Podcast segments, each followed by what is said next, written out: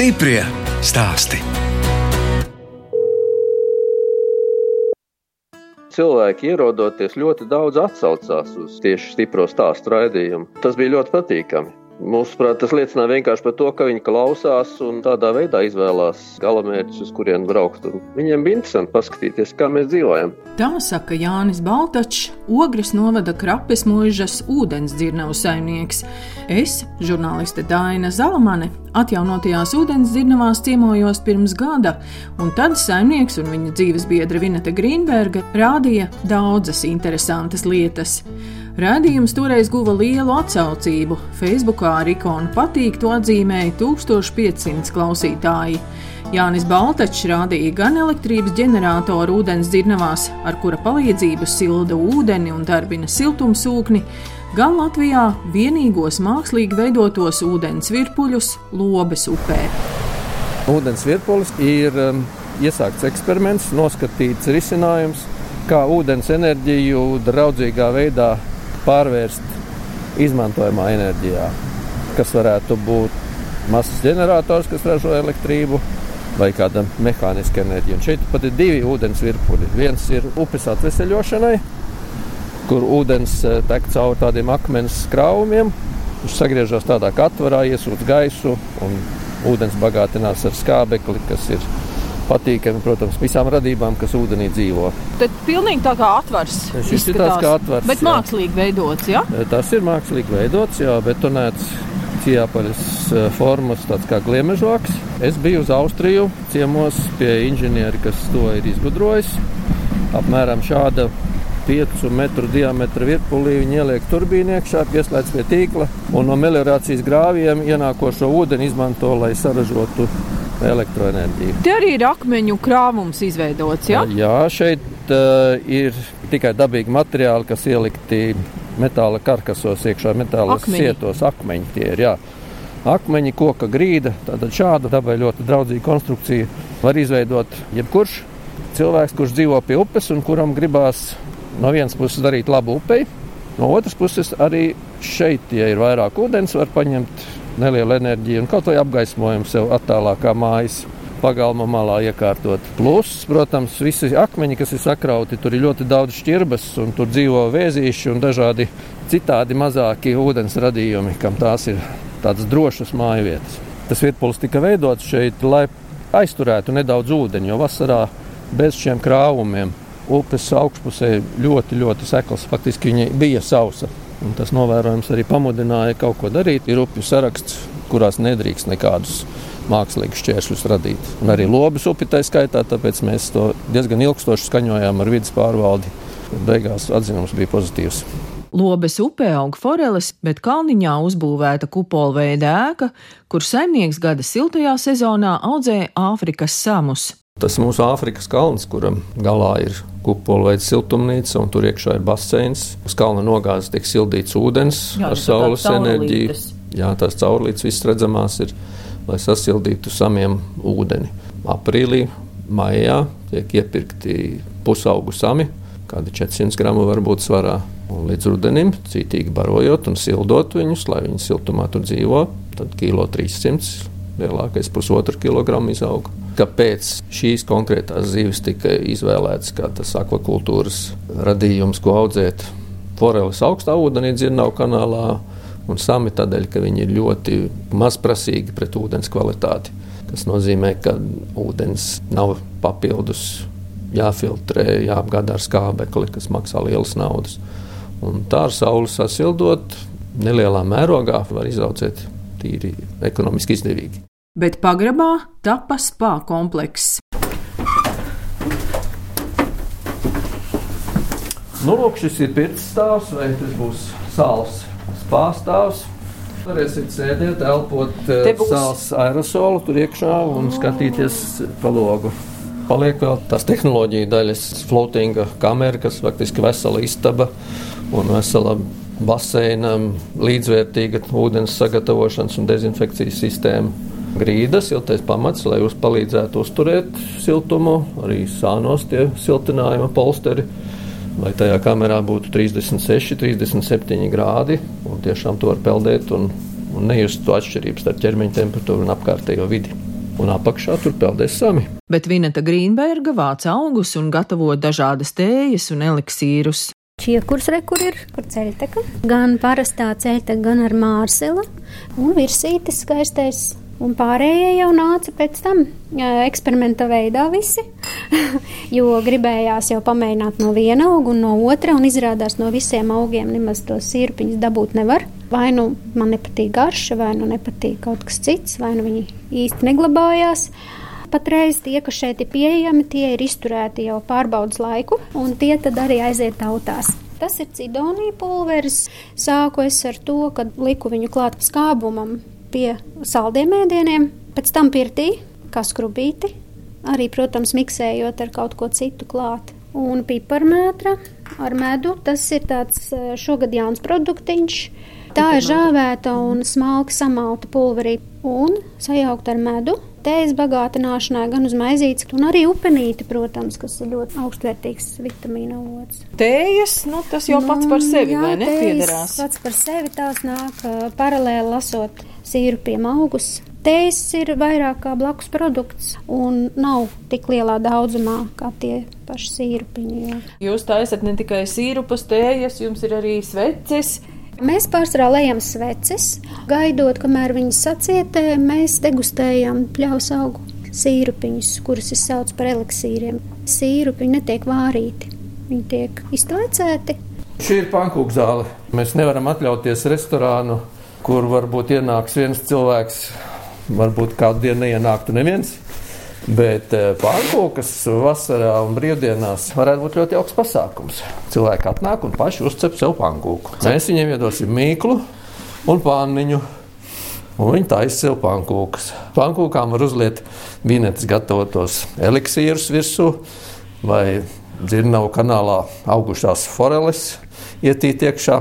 Katrs var izvērsties pēc savas fantāzijas un idejām un sauksies tas viss krapes, krepes. Krepes, tās jau tā kā Francijā, vai ne? Nu jā, uz to pusi mēs tēmējam tagad, jā. Jānis Baltačs stāsta, ka Covid dēļ apmeklētāju skaits krapes ūdens dzirnavās samazinājies. Vairāk ģimenes brauc, vecāki un bērni skatās pēta, un tādus mazos eksperimentus mēs arī veicam. Sākot no jautājuma, uz kurien jūs prāt ūdens tek?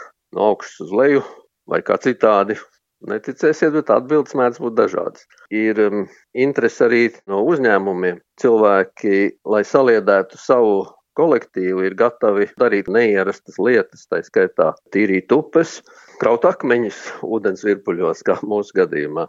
Šovasar plānojās vairākas aktivitātes tieši šādiem darbiem. Vēl ir tāda jauna attīstība, ka laivošana ir kļuvusi populārāka mūsu posmā Lobas upē. Pateicoties arī tam, ka šo pavasaru bija liela lieta un joprojām ir ļoti daudz ūdens, cilvēki brauc ar laiviņām, sākot no pusstundiņas līdz 5,5 stundām līdz ietekai ogrē. Un tur cilvēki redz, ka tā upe ir vietām aizgāsta ar kokiem un cenšas tīrīt un tā nobriest jaunas domas, kad mēs varētu uztaisīt talku. Viss tā ļoti organiski un patīkami attīstās.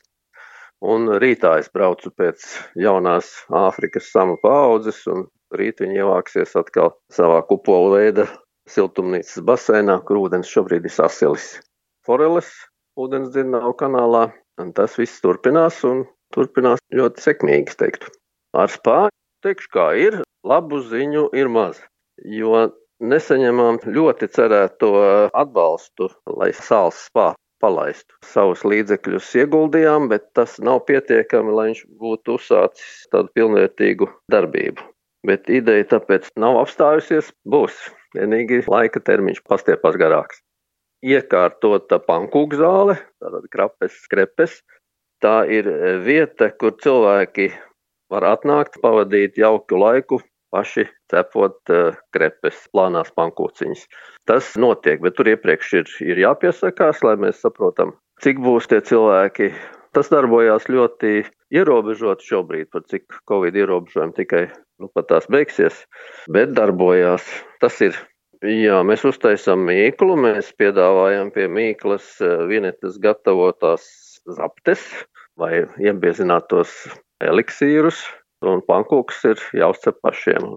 Vineta Grīnberga turpina vākt dažādus augus, bet to realizācija Covid dēļ bija ierobežota. Pagājušā vasara bija ļoti labi mums, un tad viss apstājās, un līdz ar to viss sagatavotais arī palika nerealizēts, tik cik mēs tiešās pirkšanas pulciņos piedāvājam Rīgā, bet tas ir diezgan minimāls daudzums. Tā kā šogad man ir iespēja domāt par kaut ko jaunu vasarā, jo ir uzkrājumi pagrabā, ko var radīt jaunu. Zinat, kā par to es esmu domājusi, bet patreiz gan neko arī skaļi neteikšu, jo, piemēram, vakar man bija ļoti laba viela pārdomām. Mums vakar bija beidzot viena grupiņa pieteikusies uz augu sīrupu eliksīru degustēšanu. Un uh, es sapratu, ka tas, kas man ir piedāvājumā, ir jau par daudz, jo mēs nevaram visu vienā reizē nodegustēt un arī par visu vienā reizē izrunāt. Par to ir jādomā vēl. Bet, protams, cerība ir, ka cilvēki šogad atkal kustēsies un cerams arī uz kādiem atvieglojumiem sakarā ar pandēmiju, viss jau notiksies noteikti.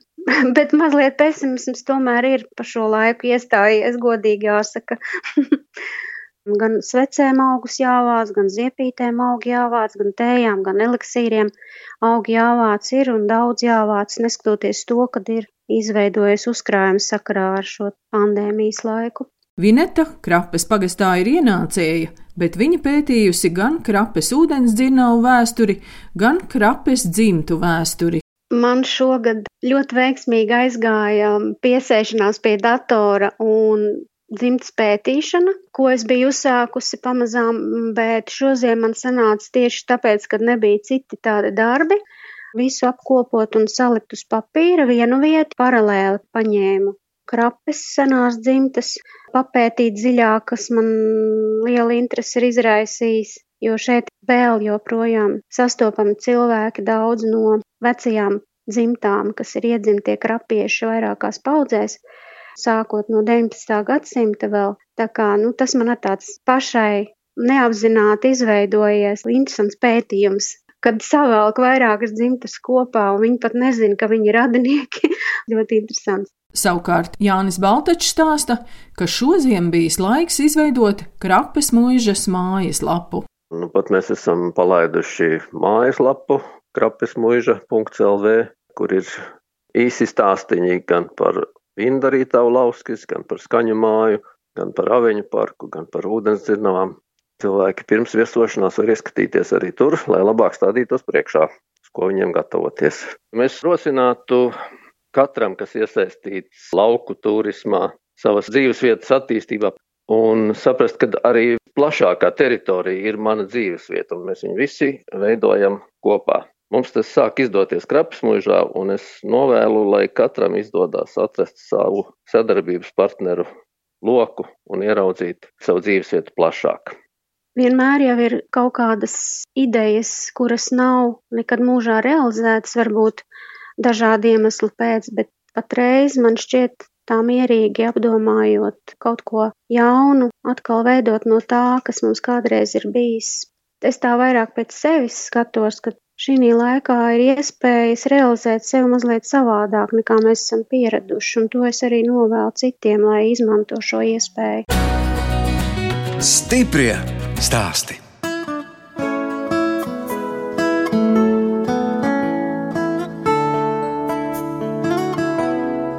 Jūs klausāties raidījumu stipri stāstī.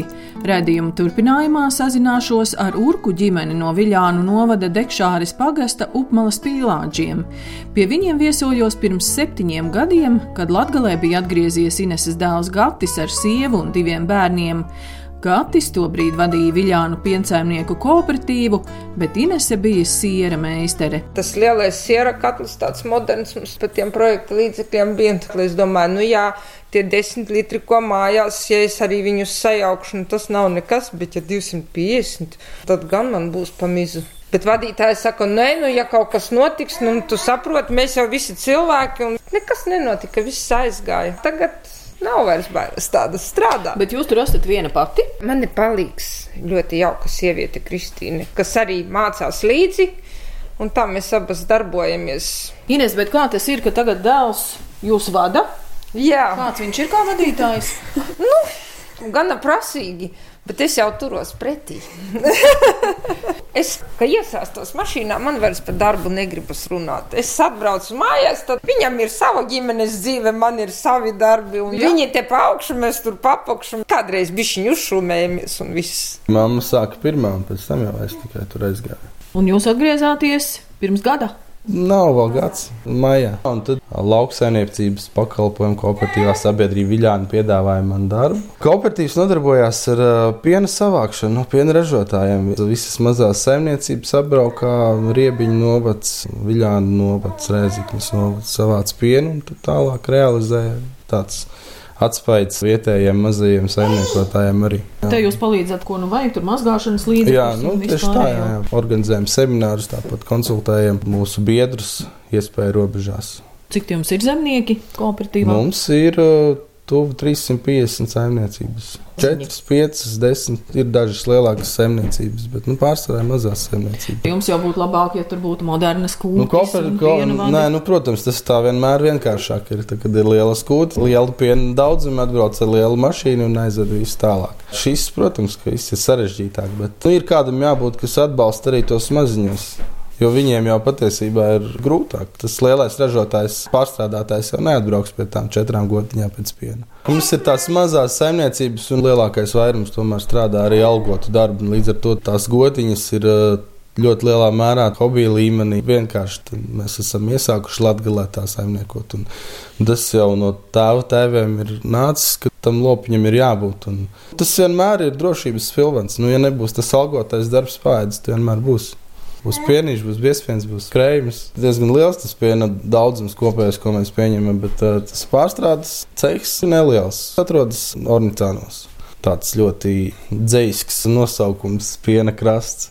Ļoti skaista vieta Malmutas upes krastā. Tur ir vecas dzirnavas blakus, tādas krācītas, ļoti skaisti. Bet arī krīze bija viens no iemesliem, kas jūs rosināja domāt, ko, um, ko darīt krīze, ar pienu. Nu, droši vien, jā, krīze bija viens no, no iemesliem, kad jāmeklē ir kur to produkciju realizēt. Būt atkarīgiem no lielajiem pārstrādātājiem, nu, tas tā riskanti. Mēs dienā pustonu pārstrādājam šobrīd apmēram. Un tirgojat tad tepat kaut kur apkārtnē? Tirgojam tepat tās apkārtnē, jā. Mēs esam maržotāji, un tad veikalos mēs nevaram Tad mēs braucam uz tirdziņiem, visiem iespējamiem. Piens, krējums, biespiens, jogurts, jogurts ar piedāvām, siers ar dažādākām garšvielām, sviests. Bet gata sieva Anete, lauksaimnieku kooperatīvam Viļāni, veido produkcijas zīmolu.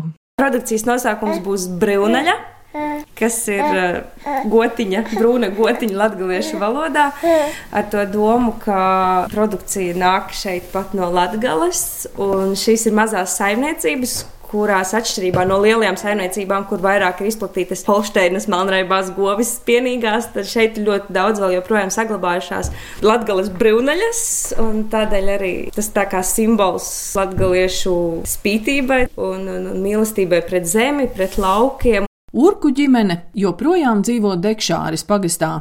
Mammai kūtī ir gan trīs govis, gan rupši, gan vistas un pīles, bet Inese tagad saimnieko kafejnīcā grāmatnīca varakļānos, un arī vedekla un dēls Gatis atraduši citus darbus. Nu, man liekas, ka mēs visi varam uz to tieši iedvesmot, kā tikai jādara. Un laukos var atrast jā, arī piemērotu darbu katrs priekš sevis, kas viņam interesē un ko viņš mācījies varbūt Tagad es strādāju vietējā mazumtirdzniecības uzņēmumā, kam pieder eh, veikala top, esmu atbildīgs par uzņēmumā IT sistēmām gan veikalos, kases, svaru zonas, datori un grāmatvedības uzskaitas programma un pārējās visas lietas, kas ar to saistītas. Manā darbā Covid laiks varbūt likās no sākuma, ka tas būs tāds tukšais laiks, un varbūt bija kaut kāds tas pirmais mirklis, kad iestājās stingrāki ierobežojumi, tad varbūt vairāk nāca uz veikalu cilvēki, iepirkās ilgākam laikam, un tad bija kaut kāda brīdi atkritiens. Bet kopumā tas darbs neapstājās. Viņš varbūt brīžiem bija vairāk, mums bija jābūt uzmanīgākiem un bija jāspēj ātri norēģēt valdības prasībām un noteikumiem. Tā kā darbs neapsīka un darbs turpinājās visu laiku. Gata sieva Anete pirms septiņiem gadiem audzināja divus bērnus, tagad ģimenē aug jau trīs bērni, un Anete strādā Madonā, Lijā biznesa inkubatorā. Līdz Madonai jābrauc 50 km. Tas attālums nav tas trakākais, un tiklīdz tu pasaki 40 līdz 50 minūtes, tad visiem rīdziniekiem tas ir, o, nu tikpat ilgu laiku es no ķēngaraga līdz centram braucu. Tās 40 minūtes no rīta un vakarā nav nekāds šķērslis. Citreiz pat palīdz noskaņoties darba dienai vai sakārtot domas pēc darbīgas darba dienas, lai tu nenestu mājās visus darbus, bet sakarā ar visu situāciju pasaulē, nu, pat jau būs gads, kā es principā strādāju tikai no mājām, braucu tikai uz darbu. Nu, šobrīd jau vienreiz nedēļā, iepriekš vispārībā apmēram divos mēnešos reizi tikai braucu. Jo investīcija attīstības aģentūra ļoti sakārtota tādā ziņā procesi un visas IT sistēmas. Ļoti daudz darbus var izdarīt no mājām. Es atbildu par pasākumu organizēšanu. Visi pasākumi mums simtprocentīgi pārgāja online režīmā lai nodrošinātu maksimāli labāko atbalstu jaunajiem uzņēmējiem. Un cenšamies ievērot, lai nav tā, ka tu mājās strādā 24, 7 vai kaut kā tam līdzīgi. Līdz ar to viss ir tā kā sakārtojies un no rīta var uh, ilgāk pabūt ar bērniem, pirms viņi aiziet uz dārziņu. Nu, tagad vasarā tad attiecīgi vēl kaut ko no rīta paspēt izdarīt, pirms sākas darba diena. Ir trīs bērni, ir Jēkabs vecākais, viņš pabeidza trešo klasi un sāksiet ceturtajā. Adele pabeidza bērnu dārzu un septembrī sāks pirmo klasi, un Matilde vēl būs bērnu dārzā. Ir varbūt satikšanās paradumi mazliet mainījušies. Anetes vecākus mēs nesatikām gandrīz gadu, kaut arī mēs dzīvojam burtiski turpatās gandrīz vai vienā pilsētā. Manuprāt, ja mēs visi to tā ievērotu, tad droši vien, ka mēs būtu jau ārā no tās krīzes nenotiek īsti ne pašdarbības, ne baseini ir atļauti, nekas. Bērniem tagad atsākās kaut kādas nodarbības ārā, futbols un tādas sportiskās aktivitātes, bet nu, tas nu gan jā, mums ir nu, jau uz diviem gadiem pavisam apstājies. Tautu dejas mēs nevaram īsti dejot attālināti, nu, un arī koris Vācijā vai Skype vai Zoomā, nu, īsti nav tas, kā to izdarīt. Bet mums ir kaut kā vairāk citas aktivitātes, vairāk darām kaut ko mājās kaut ko darām dārzā, mēs ejam biežāk pastaigās uz mežu un uh, kad ir māja, un tad, kad ir dārsts, un tad, kad ir pagalms, visu laiku kaut kas ir jādara uz priekšu.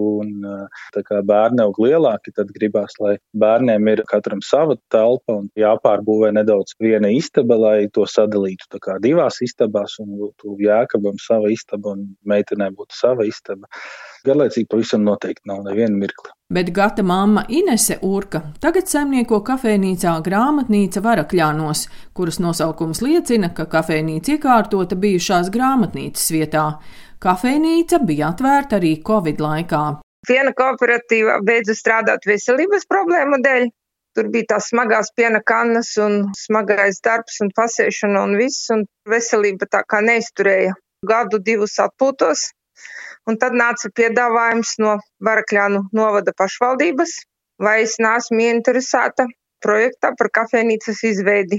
Viņi rakstīja Eiropas projektu, lai iekārtotu bijušajā grāmatnīcas telpās kafejnīcu. Viņi viņu rekonstruēja un piedāvāja nomas līgumu, un ar bērnu lielu palīdzību, iniciatīvu piekritu šim projektam. Turpinājām strādāt, daudzas meitenes bija dīkstāvē, Un tad mēs tur tā divas meitenes ikdienā strādāja, viena vārīja un gatavoja ēdienus, arī pati gatavoju ēdienus, mainījāmies un viesmīli, kas tirgoja, un tā mēs arī to pandēmiju izcietām, bet neaizslēdzāmies ne uz vienu dienu. Protams, bija arī, kas nāca ar saviem traukiem, bet pārsvarā jau līdz ņemamās kastītes, kas mums pašiem arī nevisai patīk, jo ļoti liels daudzums to vienreizējo trauku aiziet.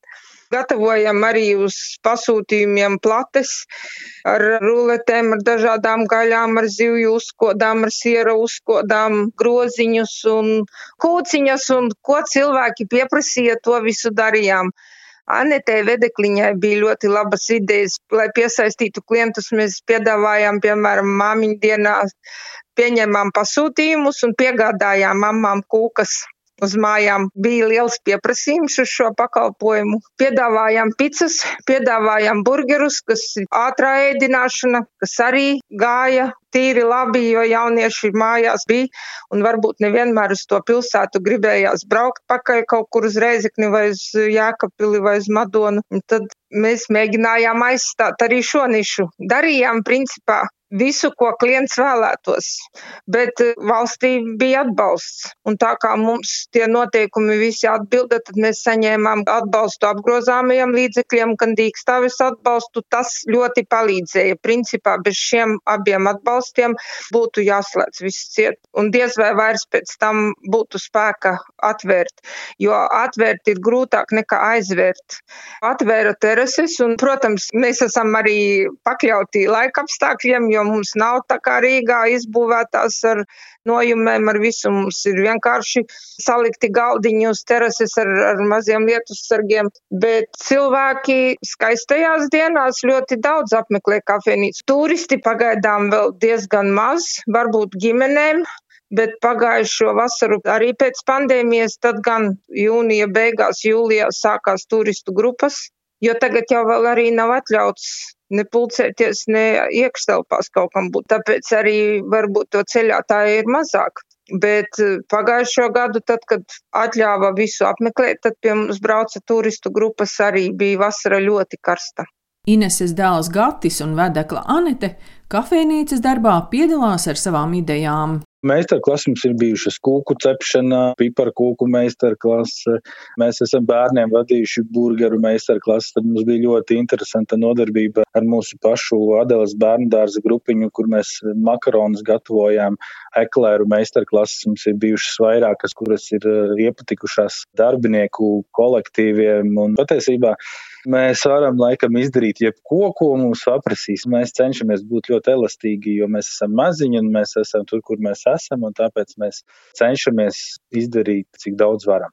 Es droši vien novēlētu cilvēkiem nebaidīties, mazāk varbūt sūkstīties par to, cik ir slikti, un vairāk darīt tā, lai gan savu ikdienu, gan citu līdzcilvēku ikdienu padarītu labāku, gaišāku. Skatīties uz to, ko es tieši savā vietā ar savām spējām, zināšanām un talantiem varu izdarīt, lai gan sev, gan man tuvajiem un apkārtējiem padarītu dzīvi labāku. Šo tad mēs globāli nevaram izmainīt tās lietas, bet tad ir jāsāk ar to mazumiņu, ar sevi, ar savu ģimeni, ar savu darba vietu, solīts pa solītim, un tad jau tas labums, ko mēs katrs radam, kaut kur satiksies. Tā kā krāsas pleķīši, ūdens krāsas, kad glazno no, tad viņi tā izplūst un vienā brīdī satiekas vienā varavīksnē. Es vēlu visiem stipras ģimenes. Es tagad dzīvojot ar saviem jauniešiem, esmu iemācījusies pati nesūkstīties un brīžiem būt stipra un brīžiem būt vāja un paļauties uz jauno spēkiem.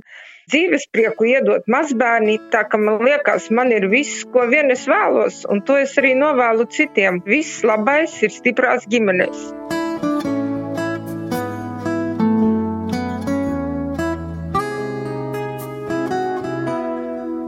Raidījums stipri stāsti izskan. Ceru, ka jau nākamnedēļ dzirdēsiet nevis ierakstus pa telefonu, bet ierakstu no sarunas klātienē. Gandrīz piecus mēnešus raidījums stipri stāsti ir tapis attālinātās sarunās pa telefonu, un paldies visiem raidījuma dalībniekiem, kas Covid pandēmijas laikā dalījās ar saviem stāstiem un savu pieredzi. Tāpat kā šīs dienas raidījuma dalībnieki, Urku ģimene, Inese ar dēlu Gati un vedeklu Aneti, kas dzīvo Viļānu novada Dekšāres pagastu upmalas pīlāģos, strādā algotu darbu un darbojas kafejnīcā grāmatnīca Varakļānos, bet Jānis Baltačs atjauno krapes mūžas ūdens dzirnavas, Vineta Grīnberga vāc augus, gatavo tējas un augu eliksīrus, sveces un ziepes. No jums atvedās žurnāliste Dāna Zalamane un operātore Inga Bēdele lai tiktos atkal tieši pēc nedēļas.